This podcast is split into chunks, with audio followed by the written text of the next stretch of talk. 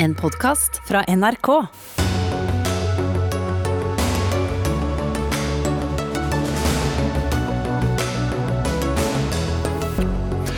Utkast til slutterklæring på klimatoppmøtet i Egypt er lagt frem, men eh, skaper lite begeistring hos miljøbevegelsen.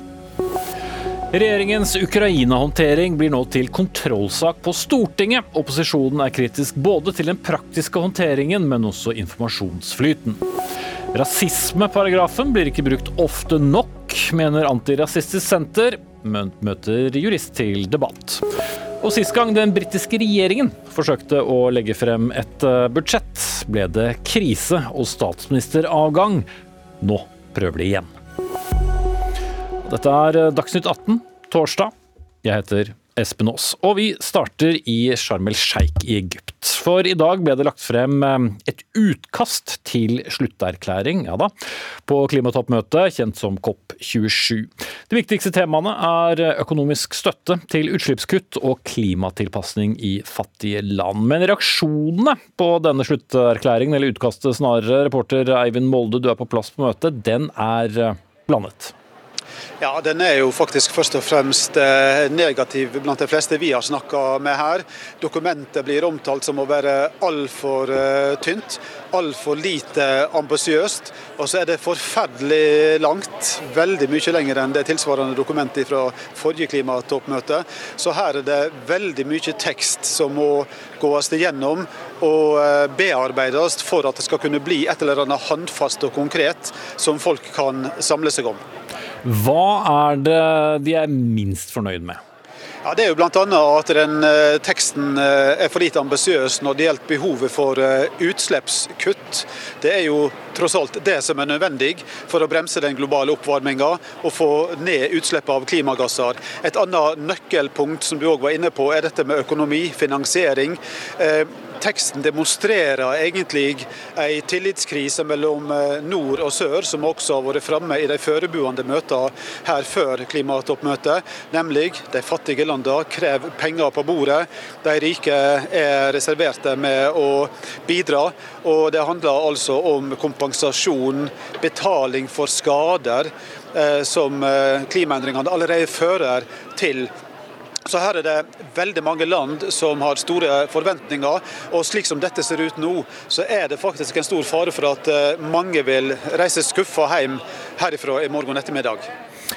Høres kjent ut når det gjelder klimatoppmøter, for så vidt. Men uh, samtidig så har også USA og Kina gjenopptatt uh, samtaler om, om, klima. Og um, John Kerry sier han er i full gang med nye samtaler. Hvor viktig er dette?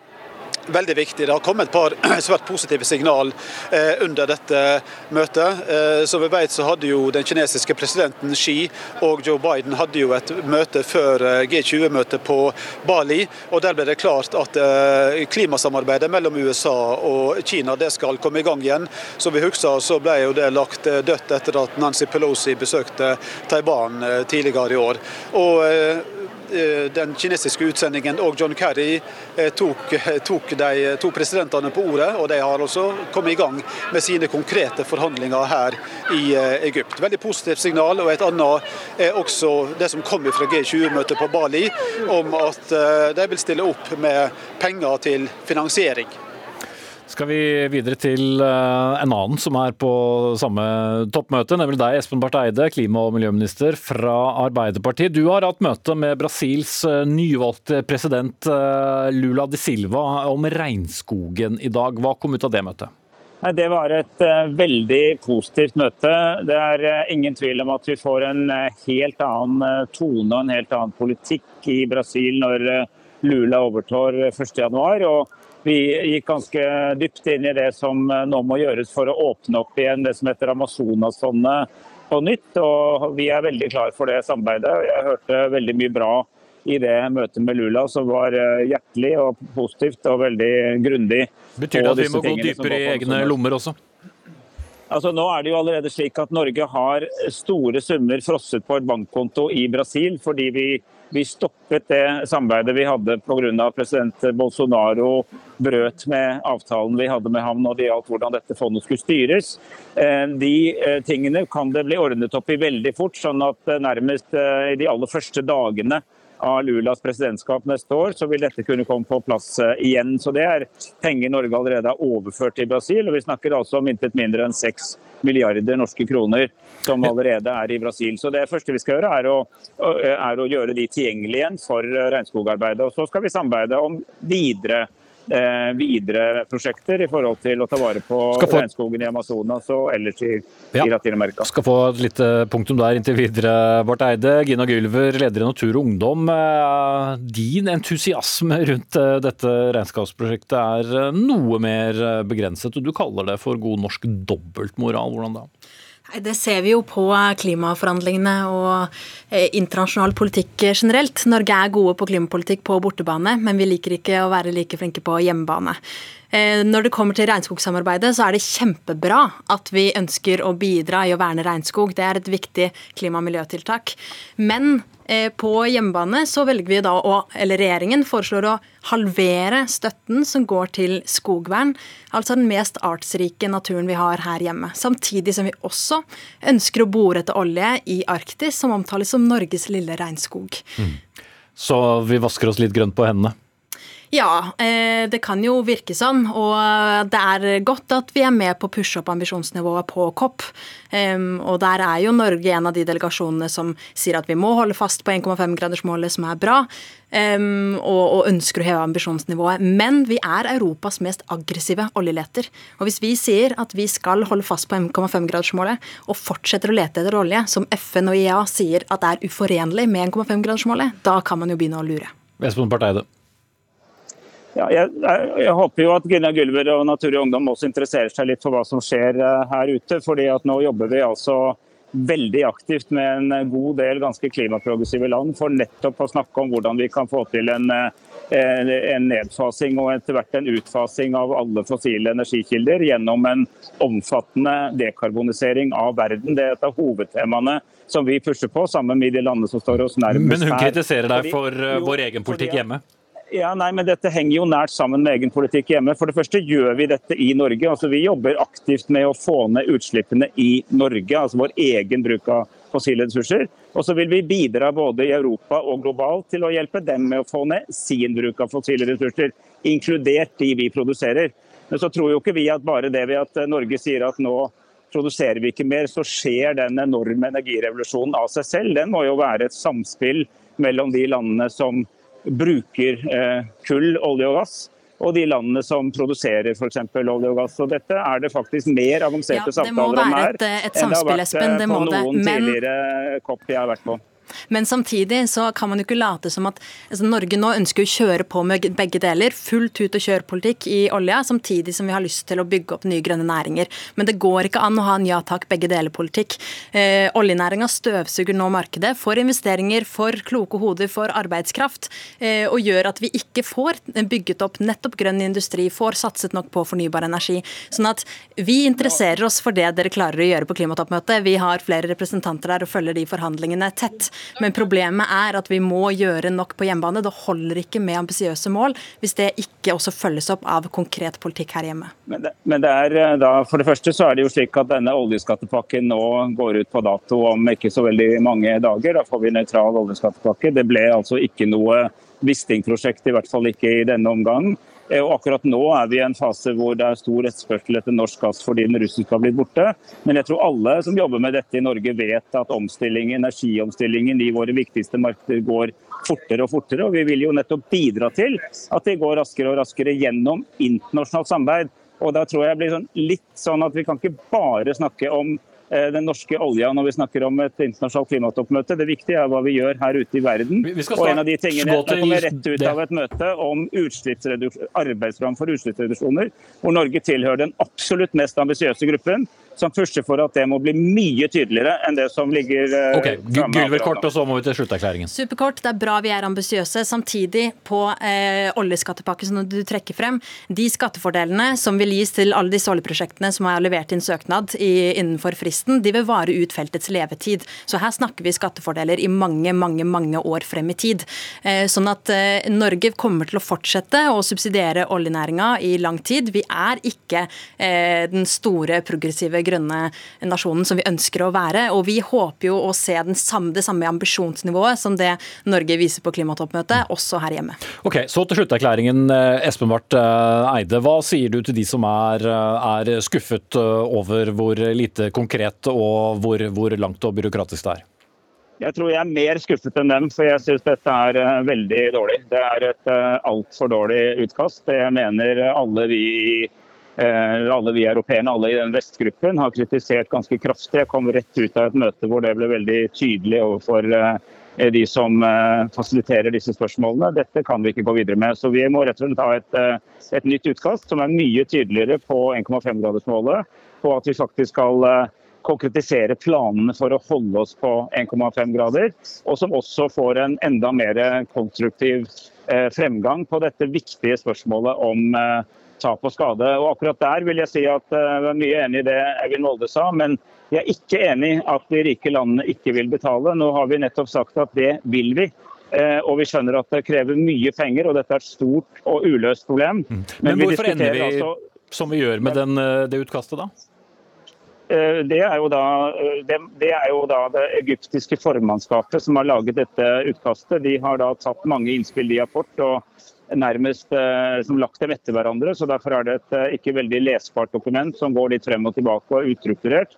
Og Derfor så trenger vi altså mye tydeligere redigering, forkorting og prioritering i den teksten. og Det jobbes det med, og mange gode krefter prøver å bidra til det. Så den kritikerne på det punktet er jeg helt enig i. Eh, men på dette punktet med tap og skade, så er det altså slik at det nå er enighet om at vi må få penger på bordet til tap og skade. Men det er mange av oss som ikke tror at eh, FN trenger enda et nytt fond eller program eller organisasjon oppå alle de vi har fra før. Og Derfor ønsker vi heller å se om vi kan forsterke, fordype og, og omstrukturere mye av det vi allerede har. Det tror vi vil gi resultater på bakken mye raskere okay. enn å bygge noe helt nytt. Håkon Seilen, seniorforsker ved Senter for miljøforskning, eh, Cicero. Vi som har fulgt noen uh, klimatoppmøter, kjenner jo igjen når det begynner å nærme seg slutten, og skuffelsen og teksten som ikke er konkret og ikke, uh, ikke forpliktende nok. Så hvor viktig er disse toppmøtene etter hvert? Jeg vil si Toppmøtene har en viktig rolle klima er jo det mest globale problemet vi har. så det er ingen enkeltland som kan løse det, så vi trenger globalt, i hvert fall internasjonalt samarbeid. Og det er jo ikke sånn at eh, det er et lett problem å løse internasjonalt heller. Det er gitt at man ikke kan tvinge land til å gå inn i en avtale eller overholde sin del av avtalen. Vi går jo fra COP25 til COP26 til COP27 og man snakker om det samme. Ja, men det var ikke forpliktende nok uh, sist gang, nå skal vi prøve det denne gang, og så ble det ikke så forpliktende denne gangen heller. Er det, er det da så riktig tid å, å, å bruke av ressurser? Ja, selv om det ikke løser alle problemene, så er det jo hel, er det ikke irrelevant heller. Man har hatt framgang, og man har jo en avtale. Eh, Parisavtalen som eh, på en måte spiller ballen litt tilbake til de mm, nasjonale.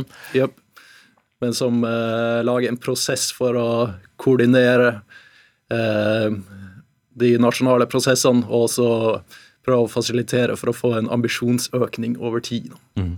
Ja, Gulver, du var vel midt i tenårene og til stede på det møtet. Nå ja, er du voksen? En, det var en, en, stor opplevelse. Jeg var 14, det var mitt første klimatoppmøte. Det var unntakstilstand etter eh, terrorangrepene i Paris. Eh, vi var tusenvis ute i gatene, og en sånn blanding av både enorm frustrasjon over at det var jo ikke nok, og vi var alle enige om at det ikke holdt, men også at vi faktisk hadde fått på plass noe historisk. Da. Eh, så full jubel og, og en enorm mobilisering. Så det var en veldig stor opplevelse. Så i ettertid har det jo ikke eh, Vi har jo ikke fått noe nytt. Vi har ikke fått en reprise av Paris. Det har heller stagnert og gått sakte. Men jeg tror jo, selv om dette åpenbart ikke fungerer optimalt, at det er det beste vi har. Mm. Det blir at, sånn Churchills, det er ikke Ja, og litt som uh, demokratiet, på en måte. Nok av feil, men, men, det beste vi har akkurat nå, og helt uunnværlig for å løse klimakrisen, dessverre. Mm.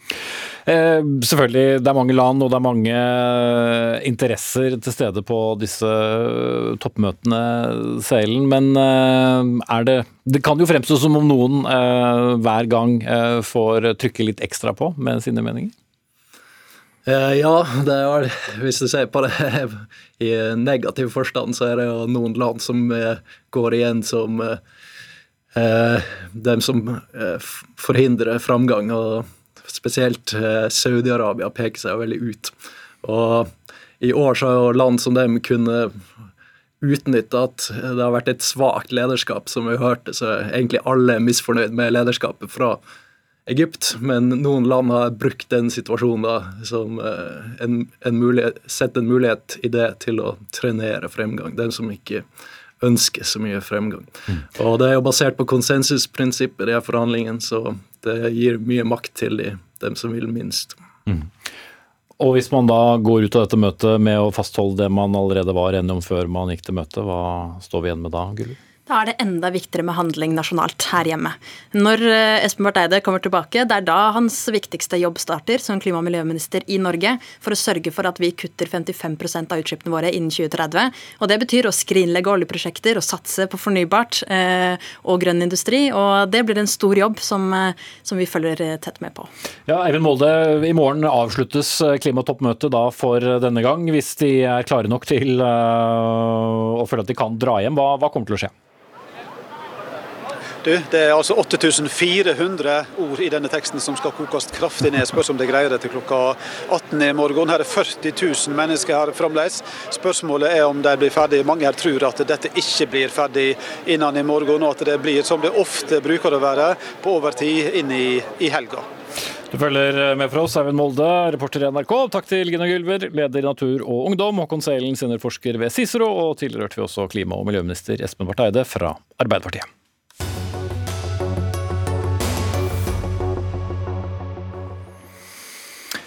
Litt bakteppet også for klimatoppmøtet, som vi var innom, er jo også krigen i Ukraina. Og Det skal det handle om nå, for opposisjonen på Stortinget er ikke bare imponert over regjeringens håndtering av Ukraina. Og i dag har Stortingets kontroll- og konstitusjonskomité vedtatt å åpne en kontrollsak som betyr at opposisjonens medlemmer i komiteen mener at det kan foreligge feil, forsømmelser eller kritikkverdige forhold i håndteringen. Og Stortingsrepresentant Petter Frølich fra Høyre, du leder komiteen.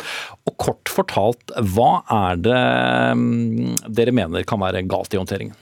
Da krigen brøt ut i Ukraina, så sendte jo de mange forespørsler om hjelp til omverdenen, også til Norge. Eh, mange av de forespørslene ble etter hvert liggende i regjeringsapparatet rundt omkring i departementer. Eh, de ble ikke svart ut. Eh, Ukraina fikk ikke svar. Og etter hvert så ble vi i Høyre veldig kritisk til håndteringen av noen av disse anmodningene. Vi snakker om rundt 70 forespørsler, hvor Norge kanskje svarte ut fem. Derfor begynte vi å stille spørsmål, undersøke hva som egentlig hadde skjedd her. Eh, så fant vi en del kritikkverdig som vi ønsker å åpne sak på. Så skal jeg også være rettferdig å si at mye av håndteringen har vært bra, så alt er ikke bare svart. Men vi mener at dette er en såpass alvorlig krise og alvorlig sak at uh, både Stortinget og offentligheten fortjener at vi tar en ordentlig runde og diskuterer det og kontrollerer det som har skjedd. Og hvis da disse tingene hadde vært svart ut raskere, hvis de forskjellige departementene hadde samarbeidet bedre, hvilken forskjell ville det gjort? Eh, nei, altså Det er jo hypotetisk å si. Eh, det som vi fant, er iallfall eh, såpass alvorlig at Høyre for vår del ønsket å gå videre. Og En av de tingene var jo håndteringen av skadde ukrainske soldater. Ukraina var veldig opptatt av å få hjelp til medisinsk evakuering der. De spurte Norge om vi kunne hjelpe. Først sa vi ja, så sa vi nei, så sa vi ja. Og så sa vi nei igjen i sommer, og så gikk det en lang periode uten at Norge svarte på noen forespørsler fra Ukraina om eh, sårede soldater. Heldigvis så startet vi opp igjen i september, men det er klart at dette vitner jo om at det har vært eh, rot i systemet, og at ting har gått tregt i en krigssituasjon. Og det mener vi er verdt å ha et kritisk søkelys på. Mm. Luna Jeffrey, du er første nestleder i samme komité fra regjeringspartiet Arbeiderpartiet. Rot og tregt, er du enig? Jeg er ikke enig i det. Jeg mener at uh, selvfølgelig så er det en uh, viktig at uh, både vi og Arbeiderpartiet i regjering tar og håndterer krigen i Ukraina raskt og resolutt, og det mener jeg at man har gjort. Man har eh, svart på mange av disse anmodningene på en god måte. Som brukt, de skadesoldatene? Ja, men altså, sant? Vi har brukt 13,8 milliarder kroner eh, på krigen i Ukraina. Blant annet er 5,5 milliarder av de brukt til støtte til våpen og militærstøtte.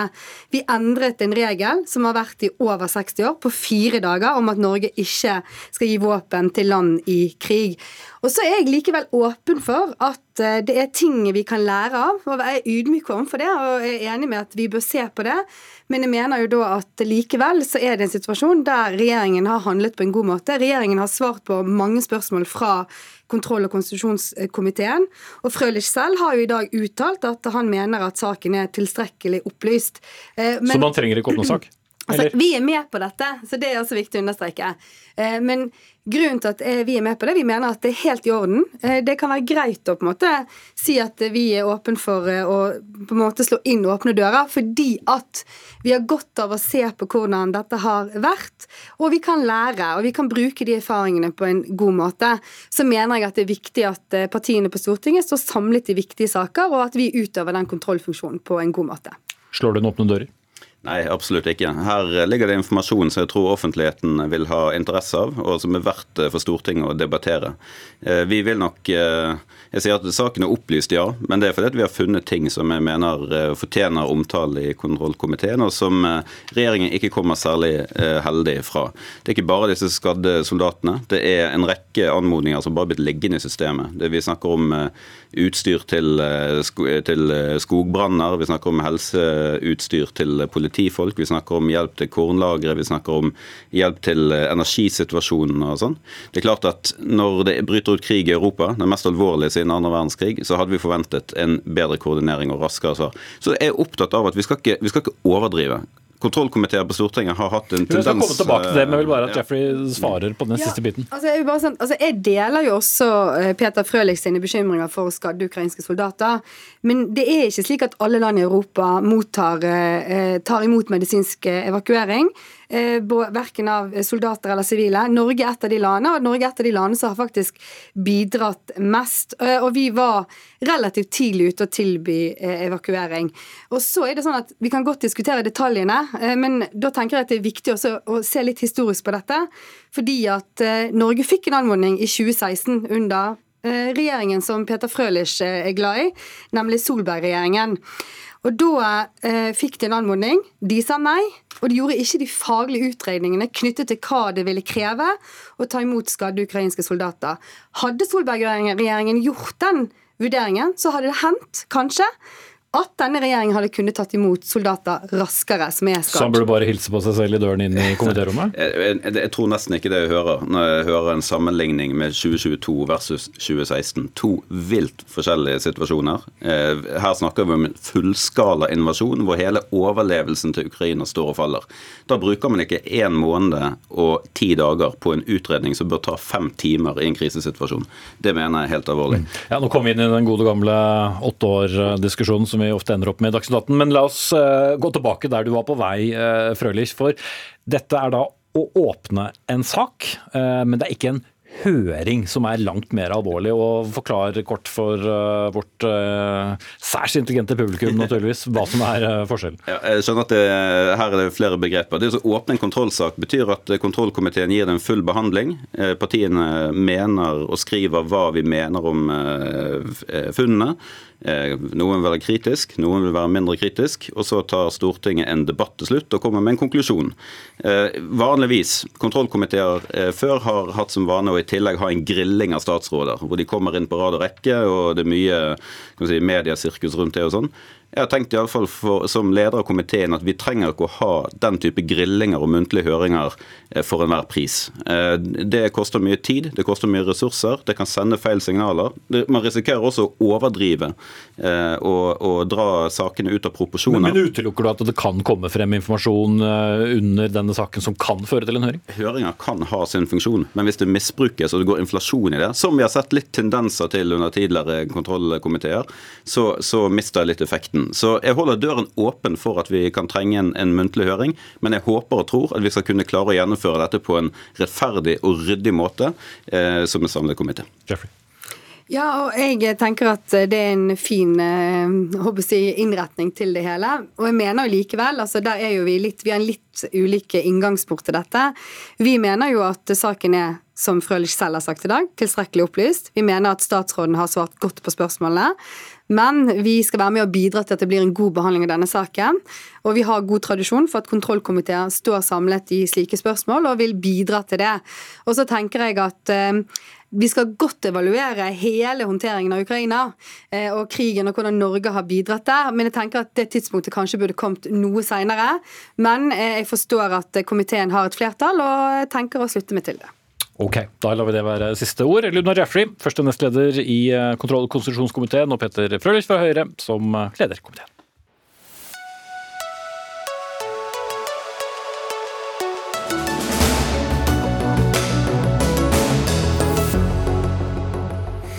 Men det er stadig mange sider av eh, krigen og vår håndtering som eh, debatteres. Eh, ikke minst har dette med russiske fiskefartøy vært en slags bumerang politisk. I dag ble det endelig bestemt i stortingssalen at Norge ikke ikke skal nekte alle store russiske fiskefartøy å legge til kai langs norskekysten. Slike skip har i dag unntak fra det som kalles havneforbudet pga. krigen i Ukraina. Forslaget ble satt frem av Venstre, men ble altså nedstemt. Men alle partiene i utenriks- og forsvarskomiteen, unntatt Venstre, stilte seg, ut, stilte seg bak følgende uttalelse, en såkalt merknad, hvor man sier at sitat, forslaget reiser prinsipielle spørsmål om forholdet mellom Stortinget og regjering i utenrikspolitikken. Etter Grunnlovens paragraf 26 skiller ansvarsdelingen mellom Stortinget og regjeringen i utenrikspolitikken seg fra andre politikkfelt. Sitat slutt. Sveinung Rotevatn, nestleder i Venstre, var det slags rapp på fingrene til dere? Det tror jeg det var. I alle fall så sa Senterpartiet sin parlamentariske leder Marit Arnstad i eh, Dagbladet i dag at det var nettopp meint som en beskjed til Venstre, dette her. Eh, og at det handler om at vi da måtte gå for langt i å fremme forslag om utenrikspolitikk i Stortinget. Eh, og det er helt sant at paragraf 26 i Grunnloven gir regjeringen den spesielle fullmakt i utenrikspolitikken som regjeringa bør ha. For den må kunne opptre på vegne av Norge i utlandet. Og alle er enige om det. Men det er altså ikke slik at Stortinget avskårer for verken å delta i utenrikspolitiske debatter eller fremme forslag om utenrikspolitikk og be regjeringa gjøre det.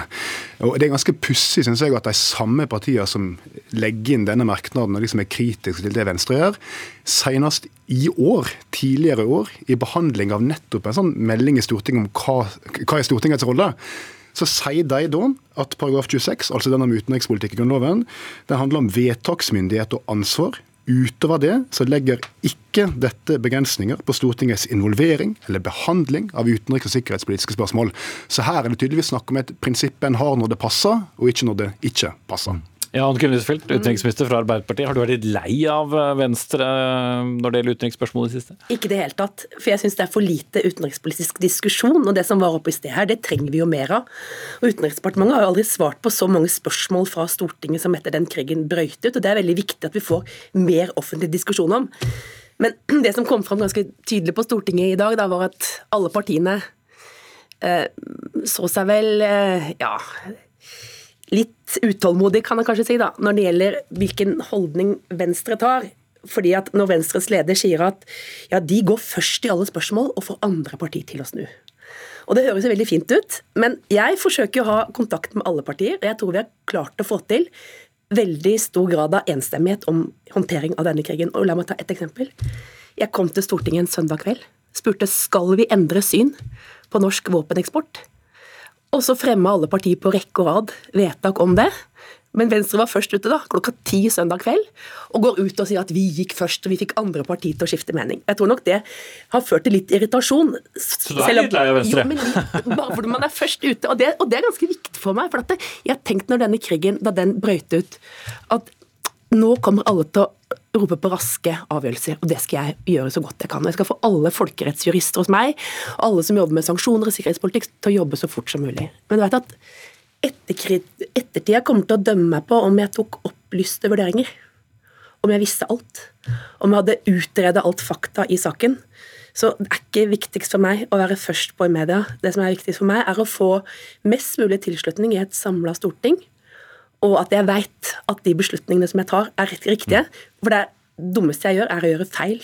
Og det er lettere for Venstre å gjøre feil, for de sitter ikke med makt. Men det er viktig å være først?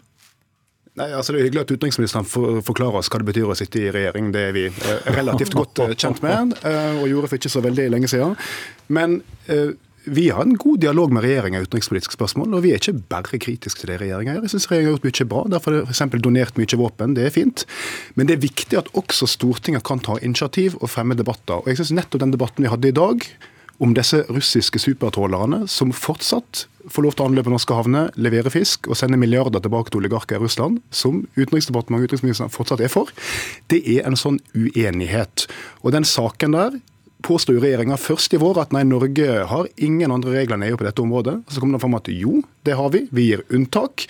Og så valgte regjeringa nå i oktober å stramme inn litt, slik at nå bare er tre havner de får anløpe i.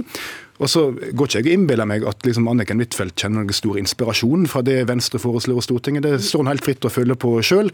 Men jeg registrerer i alle fall at dette er politikk i utvikling. Og jeg tror det er bra at Venstre og andre partier løfter utenrikspolitiske spørsmål og fremmer forslag i Stortinget. Og så får en se da, hva Stortinget mener. I dag så stemte Stortinget nei, men jeg håper kanskje regjeringa snur etter hvert. Og for de som er interessert i norsk utenrikspolitikk, så må det være bra at ting nettopp skjer i, i stortingssalen? Absolutt, og det trenger vi mer av. Det som er litt spesielt med Venstres holdning, da, hvis jeg sammenligner med de andre partiene, det er jo f.eks. når det gjelder våpeneksport, så har jo vi fått beskjed om at vi ikke skal si fram det før disse leveransene er framme. Og det var nok mange partier som reagerte ganske kraftig da jeg informerte alle partiene om at eh, nå kommer det mer våpen til Ukraina, men ikke si noe for det er framme. Og så går Venstre ut og krever mer våpen. Det bærer i hvert fall litt preg av egenmarkering. Og hva skal de andre partiene si da? At de er uenige, eller hva? Så jeg tror bare at egenmarkering er viktig, og det gjør jo alle partier i opposisjon. Men jeg syns jo at Venstre har inntatt en litt særholdning her, og det er i hvert fall ikke riktig at Venstre har gått foran i disse spørsmålene. Jeg har fått innspill fra alle partier. Og jeg må sørge for at vi tar riktige beslutninger. Og Derfor vil jeg gjerne kommentere det du snakker om fram og tilbake om havneforbudet. For det er en veldig godt illustrasjon på at ting må bli utreda. For da EU vedtok havneforbud, så var det ikke klart hva det innebar. Og Vi måtte ta kontakt med Brussel og finne ut hva det i realiteten handla om. Og Det handla om størrelse på fartøyer, og det var ikke klart hvordan de ulike 27 medlemslandene tolka det. Derfor så trengte jeg litt tid på utredning. Og så gikk vi inn for et unntak som jeg mener er veldig riktig og viktig. For det som er forskjellen på Barentshavet og andre hav, er at der har vi store fiskebåter og Derfor så trenger vi dette unntaket. Ja, så jeg mener at det er altså, viktig med en del utredning. Altså, Jeg har som klima- og miljøminister skrevet forvaltningsplan for Barentshavet. Jeg er godt kjent med problemstillingene der. Fiskeriforvaltninga. Jeg er ikke med på at vi skal fortsette å la russiske supertrålere levere fisk i Norge til milliarder av kroner og sende dem til Russland. Og så argument for regjeringa at hvis vi ikke lar dem gjøre det, så kommer Russland til å begå miljøkriminalitet. Ja vel, de kan jo mene det, men jeg syns vi skal mene det samme som resten av EU. Og det er også slik at når vi kritiserte regjeringa i vår for at dere gir unntak, så sa altså regjeringa ved fiskeriministeren at nei, nei, vi har akkurat samme regler som EU. Men det viste seg jo at det hadde en ikke, så en stramma inn. Og jeg håper den etter hvert vil stramme helt inn og nekte disse fartøyene anløp i norske havner. Huitfeldt til slutt. Ja, nå handler jo ikke EU-sanksjoner om mat, da, så det er viktig. All den, jo, men nå må jeg snakke ferdig. All den fisken her går til EU. Men det er forskjell vet du, på fiskebåter i Barentshavet og andre deler. Så det hadde vært greit da innenfor EU-regelverk å laste om denne fisken til mindre fiskebåter, og så kunne den lande i Norge. Men det er en helt spesielt grunn da, til at fiskebåter i Barentshavet de må også få lov til å anløpe når de er litt større. Og Det er grunnen til at de aller fleste partiene er enige om dette unntaket fra EUs havneforbud. Og så vil jeg samarbeide mer med Venstre og alle partier i tida som kommer, og jeg vil gjerne ha mer diskusjon. Det er vakkert. Eh, det er mye mer vi kunne tatt, men vår tid er ute. Sveinung Rotevatn, nestleder i Venstre, og utenriksminister Anniken Huitfeldt fra Arbeiderpartiet. Ja, litt senere i Dagsnytt 18, det er likelønnsdagen i dag, og hvor mye mindre tjener kvinner enn menn sånn egentlig? Vi forsøker å finne svar litt senere i sendingen. Men nå, bør rasismeparagrafen brukes mer eller mindre enn i dag? Ja, dette spørsmålet er aktualisert etter tirsdagens mye omtalte nyhet, der komiker Atle Antonsen ble anmeldt for grov rasisme og for forfatterredaktør Somaya Jirde Ali. Saken er blitt kodet som hatefulle ytringer og hensynsløs atferd hos politiet. Hadde Strømmen eh, Lille, førsteamanuensis i rettsvitenskap eh, ved Høgskolen i Østfold. Dette er da paragraf 185. Du er kritisk både til den, men også rettspraksisen rundt dette. Hva er det som er problemet? Ja, jeg er ikke kritisk til 185. Jeg mener at vi trenger et hatytringsvern. og Det jeg er kritisk til, er at jeg mener at eh, rettspraksis i dag har ført til at eh, det hatytringsvernet som paragraf 185 skal sikre, ikke lenger er effektivt. Hvordan da? Nei, altså Det har skjedd to utviklinger. På den ene sida har Høyesterett, og det starta allerede med den såkalte løpeseddeldommen i 1981, da de etablerte det her skillet mellom sak og person. Den gangen kalte de det for uh, religionskritikk versus personkritikk, da. Ikke sant? Eh, og, og, i dag er det sånn at man kan si Så har da Høyesterett bare konsolidert den, det her skillet mellom sak og person enda sterkere. så det har blitt en slags individualisering av paragrafen, er det du mener? At det ja, handler altså, mer nå om en enkeltpersons ytring enn større ytringer som Nei, altså, får større samfunnsbetydning? Du kan si hva du vil om en religion, om f.eks. Mohammed, eller du kan si om ras, raseteorier, eller du kan snakke du, I Norge kan du også liksom stille spørsmålstegn ved holocaust. Du kan, du kan, si hva du vil om en sak, og det kan være så hatefullt som bare det. Mm, for det er ytringsfrihet? Det er ytringsfrihet. Men hvis du sier noe om person, det er den andre utviklingen. Det kom i den såkalte dørvaktdommen fra 2012. Så senka da seg eh, Høyesterett terskelen for hva man kunne si mot personer. Og den kombinasjonen, det spriket mellom hva du kan si om sak, og hvor lite du kan si om person, henger ikke sammen. Jeg tenker det er eh, Og i dag så, så Og det trenger ikke være så mange heller. Det er nok at du sier en rasistisk ytring til en, at det er en annen person i, i et offentlig rom som hører det. Så, så Høyesterett legger ikke så stor vekt på om det her er spredningspotensialet i, i, samfunnet. Og Det er det jeg er kritisk til. Jeg mener at hatytringsparagrafen skal bidra eller være et verktøy for å forhindre spredningen av farlige holdninger. Ok, Da og, vet vi hvor du står. Hatem Ben Mansour, du er daglig leder i Antirasistisk Senter. Eh, ser du det samme problemet? Vi ser jo problemet at man ikke bruker det mot f.eks. Sian eller eh, Nordisk motstandsbevegelse eller andre ja, som baker det inn i politikk. Det ser vi også. Men samtidig mener vel vi at eh, det at det sies til én person og en annen hører etter, så skaper selv det en større aksept for det. Det normaliserer det i seg selv. Og det er jo det vi prøver å verne. Den normaliseringen. Så er, vi er enige i at det bør brukes mer, også på de politiske ytringene. Men eh, vi mener at det treffer riktig. På person? Ja, fordi det, altså det er ytringer i det offentlige rom som jo øker aksepten for uh, disse ytringene. og det øker i tillegg den strukturelle rasismen, rett og slett fordi stereotypiene bygger opp under denne, altså fordommene. Mm. Men, men, så har vi da paragraf 100 som handler om ytringsfrihet, eh, Lille. og Det er da tre begrunnelser for ytringsfrihet. Sannhetssøken, demokrati og individets frie meningsdannelse. Og hvordan blir dette konflikt da mellom eh, paragraf 100 og 185? Nei, altså, altså, Ytringsfriheten har jo visse grenser. Så, vi, så, Det som er interessant når man diskuterer ytringsfriheten, er jo hva, når kan man liksom begrense den. Og Det finnes mange, masse grenser for ytringsfrihet, ikke bare i forhold til hatytringer. Det er også i forhold til taushetsplikt, i forhold til uh, trusler f.eks. Eh, du kan ikke bruke det er, også, det er to bestemmelser om trusler i straffeloven.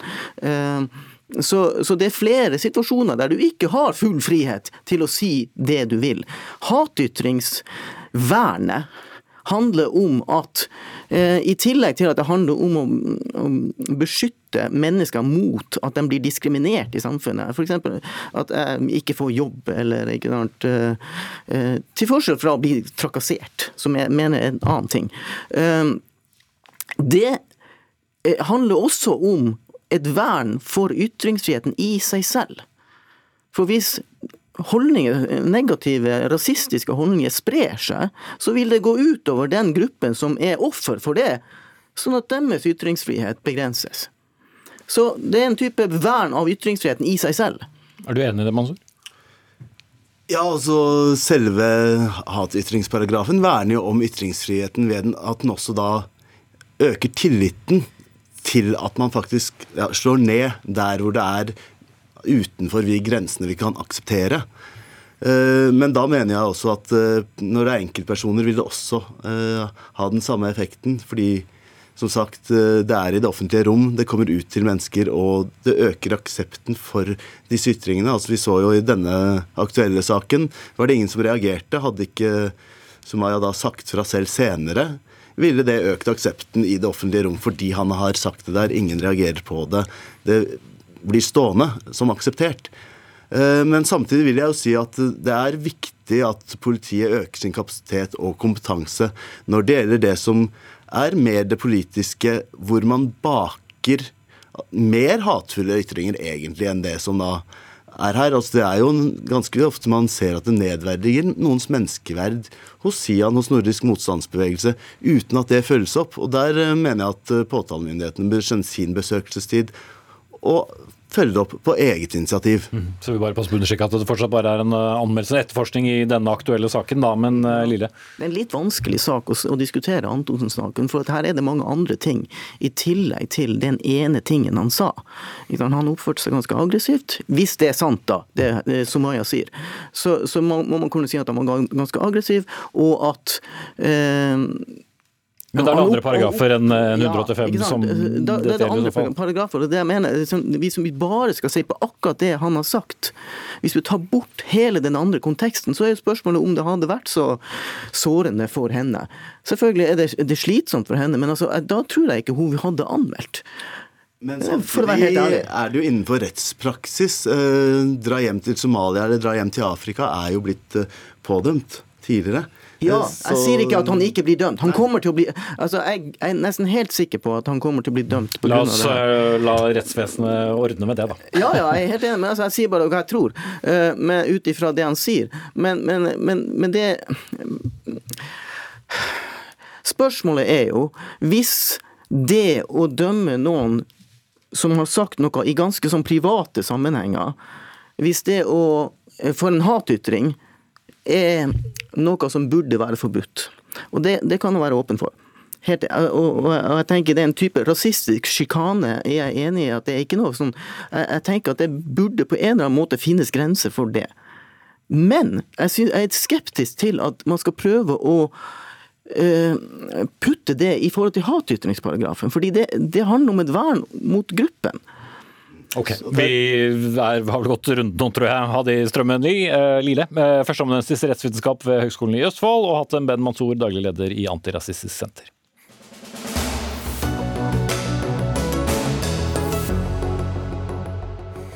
Og mens vi har snakket uh, om dette, noen ser sikkert nyheten nede på skjermen hvis du følger oss på TV, Nancy Pelosi trekker seg som flertallsleder for Demokratene i Representantenes hus. Det ble kunngjort i den amerikanske kongressen. Etter det amerikanske mellomvalget nylig så ble det jo klart uh, nå at Demokratene mister flertallet sitt i Representantenes hus. Og Det blir mer om det i Dagsrevyen etter oss. Nå skal vi til den såkalte likelønnsdagen, som har det med å dukke opp i november. Og akkurat forklaringen til den havner der kommer vi sikkert tilbake til, men den dagen brukes iallfall til å markere at kvinner i Norge fortsatt tjener mindre enn menn i snitt. Og det er det mange sterke meninger om, men ikke alt helt tydelig hva politikerne kan gjøre med det. Og før vi skal diskutere det, skal vi forsøke å få noen uh, fakta her. Tonje Køber, seksjonssjef for lønns- og arbeidsstatistikk i SSB, eller Statistisk sentralbyrå. Hvor store forskjeller snakker vi om i 2022? Det er i gjennomsnitt at kvinner tjener 87,9% av menns lønn. Og hva betyr nå egentlig det? Hvis du tenker at en mann har 100 kroner i timen, så har en kvinne 87,9 kroner i timen. Eller utregning som er da at fra i dag av så har liksom kvinner tjent opp. Det er noen som også regner på den måten, ja. Det er sant. Men dette er jo for alle i Norge. Men hvis vi går ned på samme jobb eller samme yrke, så er det jo ganske likt. Med noen forskjeller. Så det, ja. Men hva er det da som, som, gjør at vi har denne tilbakevendende debatten? For da ser vi på alt under ett. Ja, ikke sant. Nei, det er yrke, utdanning, hvor de jobber og hvor lenge man har jobbet. Og om man jobber deltid. Så det er jo slik at eh, det er flere menn som tjener veldig mye. Og det drar jo dette snittet opp. Og så at kvinner er i midten av fordelingen. Og, og disse mennene som er i denne lønnstoppen, de er ofte i privat sektor. mens kvinnene er mer i offentlig sektor, og hvor det er lavere lønninger. Så det er det jo slik det er. Så det kan bare skylde seg selv? Nei, det vil jeg vel ikke si. Eh, men det er jo også forskjeller i samme yrke. F.eks. en kvinnelig legespesialist tjener faktisk mindre enn sine mange kollegaer i snitt. Men det er ofte pga. alder, for de er yngre. Så de har jobbet kortere i de samme yrkene mange steder også. Og så alder forklarer. For det er jo slik at jo lenger man har jobbet i samme yrke, jo høyere lønn får man. Og så er det kanskje den siste forklaring at flere kvinner jobber deltid. Mm. Men uh, hvor raskt endrer eller hvor, hvor raskt går forskjellene ned? Det går ikke så veldig raskt, det er jeg enig i. Og lønnsgapet har minket litt de siste 20 årene, men det er, går ganske sakte. Eh, men det er klart at kanskje det vil gå fortere da, hvis flere kvinner tar høyere utdanning, og det er jo tilfellet nå. Så mm. kanskje. Da kan man jo følge med på hvilken dato i november vi har denne årlige debatten, for den flytter seg da ut fra hvor mye mindre kvinner tjener enn menn. Men uh, da må vi ha litt politikk inn i det. Tuva Moflag, stortingsrepresentant eh, fra Arbeiderpartiet. Hva kan man egentlig gjøre politisk med å bestemme lønnen til andre? Ja, det er jo sånn at eh, Politikerne går jo ikke inn i selve lønnsforhandlingene, det er det partene som har ansvaret for. Men det er allikevel en rekke grep vi kan gjøre politisk for å rette opp noe av dette. En av de tinga som vi har gjort denne uka i arbeids- og sosialkomiteen, er jo eh, å levere fra oss et forslag om at eh, heltids, retten til heltid skal styrkes i lovverket. For det første så vil vi at, at heltid skal være normen i arbeidsmiljøloven. Og vi vil også styrke de tillitsvalgtes rolle inn i dette. Vi vil at eh, det skal drøftes med de tillitsvalgte hvis man skal ha eh, deltidsansatte, og vi vil at arbeidsgiverne i større grad Så tar du en liten del av det som SSB-forskeren ja, ja, nevnte? Det, det, er, det, er, en liten del av det, men vi må jo skru på veldig mange parametere. Hvis vi ser tilbake på hvordan denne utviklinga har vært helt fra 1960, da når LO og forløperen til NHO inngikk denne rammeavtalen for likelønn, så ble dette gapet ganske raskt mye mindre. Men så ser vi at de siste 20 årene så har det stoppa voldsomt opp, så nå går det veldig treigt fremover. Og da må vi egentlig jobbe med flere ting samtidig for å få tetta dette gapet. Torbjørn Isaksen, samfunnsredaktør i E24. Du har skrevet om dette i dag og har faktisk innrømmet at du har glemt at det var den store likelønnsdagen. Ja, det, ble minnet, det ble jeg minnet om. Ja. Ja. Men hvor lett eller vanskelig er det for politikere å gjøre noe med dette, for du har jo noe erfaring fra det også? Nei, altså det, det, det er mulig å gjøre enkelte ting. og F.eks. hvis du får, eh, som Moflag sier, flere kvinner over i heltidsstillinger, så er det noe som vil bidra. Eh, men mitt poeng i den kommentaren jeg har skrevet i E24 i dag, det er at eh, veldig ofte så bruker da politikere dette likelønnsdiskusjonen, eh, og så vil de gjerne diskutere bare de tingene som passer inn i sitt eget virkelighetsbilde eller sitt eget ideologiske bilde. Og Nå er jo ikke kultur- og likestillingsministeren her som skrev som, en, skrev som jeg skrev til, eh, men Tuva Moflag er jo samme parti.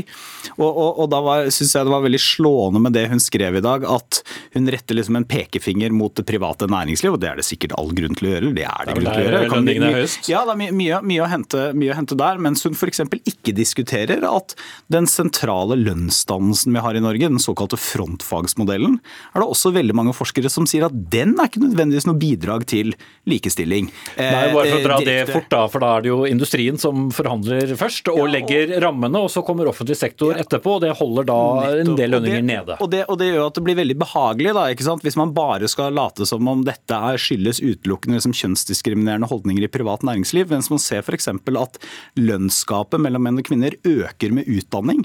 Eh, hvorfor det? Jo, for at i offentlig sektor jobber det mange høyt utdanna kvinner. Eh, menn med tilsvarende lang utdanning, men i andre yrker jobber i privat sektor. Eh, og privat sektor, for å spissformulere litt, er jo med på å sette lønnsnivået da for offentlig sektor også. Mm -hmm. Eh, fordi man skal ta hensyn til konkurranseutsatt industri, ikke direktørlønninger, da, bare for å poengtere det. Mm. Ja, det er helt riktig, men, men, tanken med frontfagsmodellen er jo at du setter en ramme for hvordan lønnsoppgjørene skal være. Og, og det er jo sånn at eh, frontfagsmodellen den er litt eldre enn meg. Eh, og den har jo ikke vært til hinder for å tette dette gapet. Tvert imot så har jo gapet blitt mye mindre, også gjennom de årene som vi har hatt en frontfagsmodell.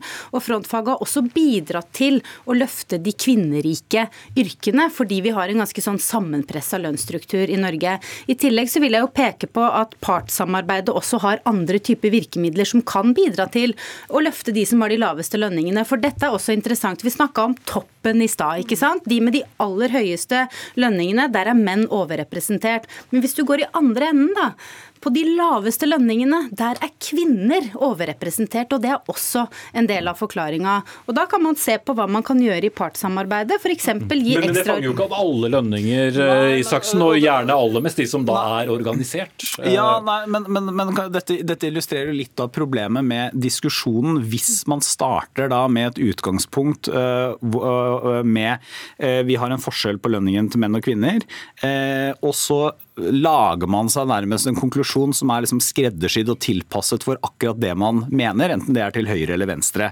Så, så, så det jeg ville, ville utfordret på, det er jo kanskje å være litt ærligere da, på hvorfor vi har denne lønnsforskjellen.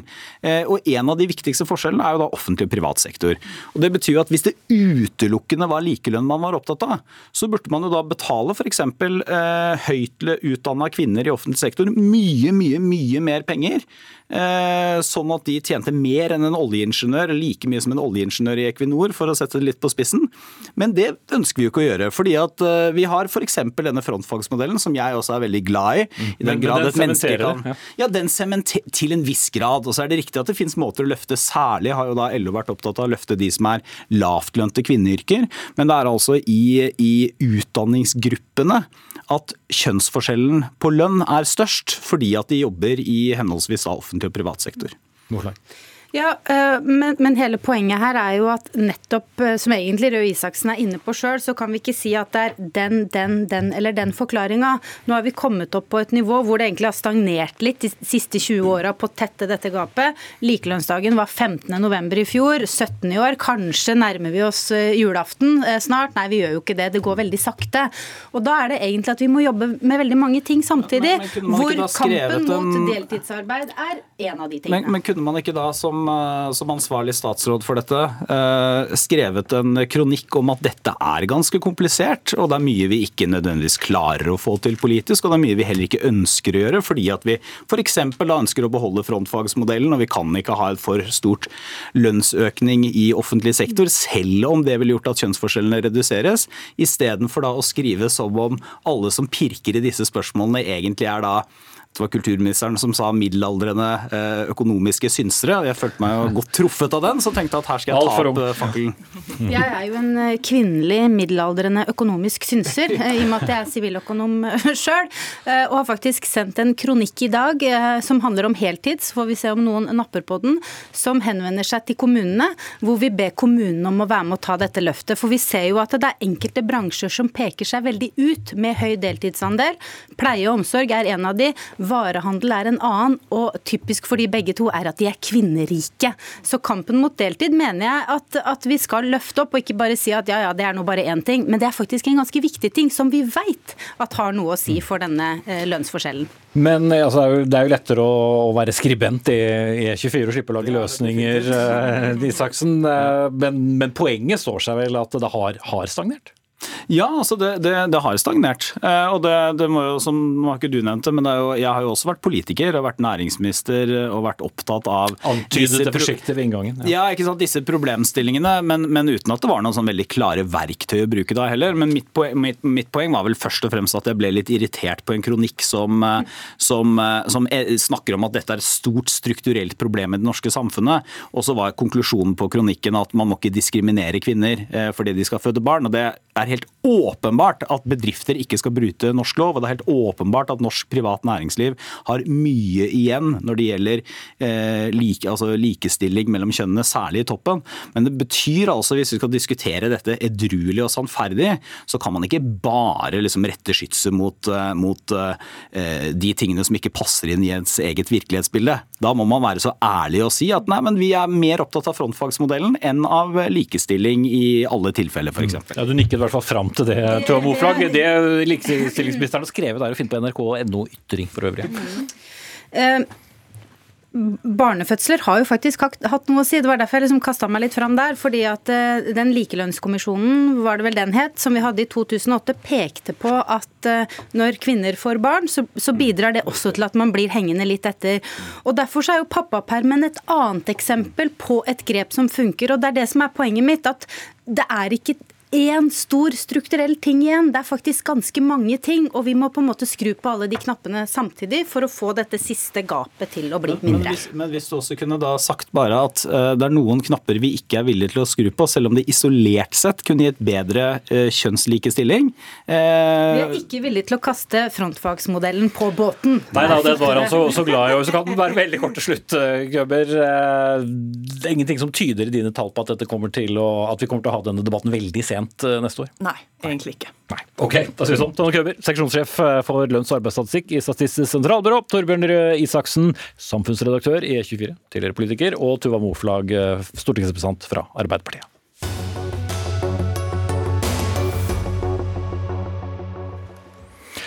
Økt skatt og store innsparinger i offentlige budsjetter, ja det var hovedingredienser da den britiske regjeringen og finansministeren eh, la frem sitt såkalte minibudsjett eh, i dag. Dette er andre forsøk på budsjett denne høsten fra den konservative britiske regjeringen, etter at den forrige sammensetningen, ledet av daværende statsminister Liz Truss, skapte store økonomiske svingninger og uro med sitt budsjettforslag, og hun endte opp eh, som kjent på historiens skraphaug som den kortest sittende statsministeren gjennom tidene i Storbritannia. Men nå har ny finansminister Jeremy Hunt fra Det konservative partiet presentert det som er eh, av mange kalt et sparebudsjett. London-korrespondent Gry Blekastad Almås, hva er den store forskjellen mellom budsjettet som fikk så fryktelig mye kjeft, og dette som vel også får litt kjeft? Ja, det er to store forskjeller, egentlig. Det er at dette budsjettet var mer helhetlig. Jeremy Hunt la fram ikke bare sine politiske grep, men også eh, tall og beregninger som begrunnet hvorfor han eh, gjør det han mener er nødvendig. Da. Eh, og så er det, som du var inne på, skattepolitikken, som jo er en helt annen enn det forgjengeren la fram.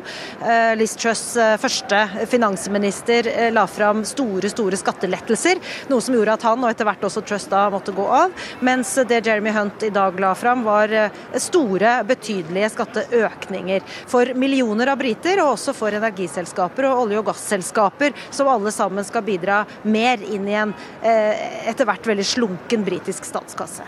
Og disse skatteøkningene topper mange britiske, ikke minst tabloidaviser og konservative aviser nå i ettermiddag. Og det konservative partiet er jo ikke heller kjent for å være spesielt glad i uh, skatteøkninger, ikke minst når det gjelder deres velgere. Så hvordan kommer uh, dette budsjettet til å fare for den nye regjeringen? Nei, Det gjenstår jo å se, selvfølgelig. Og det kommer nok til å uh, gå hjem på forskjellige måter i forskjellige miljøer. Dette er jo et ekstremt forskjellssamfunn, noe denne handlegata som jeg er i nå også kan vise. Her skal de ha sin eh, åpning av eh, julesesongen uh, nå i kveld, og vi ser jo at det er godt besøk av folk som har god råd. Dette er en av de mer fasjonable strøkene hvor uh, merkebutikkene ligger på rekke og rad, og folk kommer forbi i, med handleposer og tar seg drinker. Og restaurantene her ser vi har råd til å å fyre både inne og ute. Eh, mens eh, sånn er det jo på ingen måte overalt. Vi gikk forbi flere tiggere på veien hit f.eks. Og også flere og flere vanlige briter eh, sliter nå med økonomien allerede. De har ikke råd til å betale disse skyhøye energiregningene sine. Mange sliter også med å ha råd til mat. Og Det var jo nettopp de som skulle få hjelp nå gjennom dette budsjettet, og vi nærmer oss slutten, Gry. Men hvordan skal dette budsjettet da hjelpe de som sitter nederst ved bordet? Ja, De som har aller minst å rutte med, de får i, i hvert fall eh, inntekter i form av enten trygd eller pensjon som skal stige i tråd med inflasjonen, som jo er på 11,1% her nå. Eh, det er jo noe vanlige arbeidsfolk ikke får. Lønninger som stiger så mye, de får jo en, eh, en, nedgang i sine lønninger, og også økte skatter. Så for vanlige folk midt på så blir det mye vanskeligere framover. Fordi lavest eh, så er det jo allerede veldig vanskelig, men de får noe hjelp i dette budsjettet. Eh, de rikeste må også betale mer skatt, men de klarer seg jo alltids. Så takk til Gry Blekastad Almås, vår korrespondent i London. Og vår eh, tilmålte tid her i Dagsnytt 18 er også ved veis ende. Ansvarlig for eh, innholdet i dagens sending, Erlend Rønneberg. Eli Kyrkjebø tok seg av det tekniske. Jeg heter eh, Espen Aas, og vi er tilbake med ukens siste sending i morgen. Fram til da, ha det riktig så godt.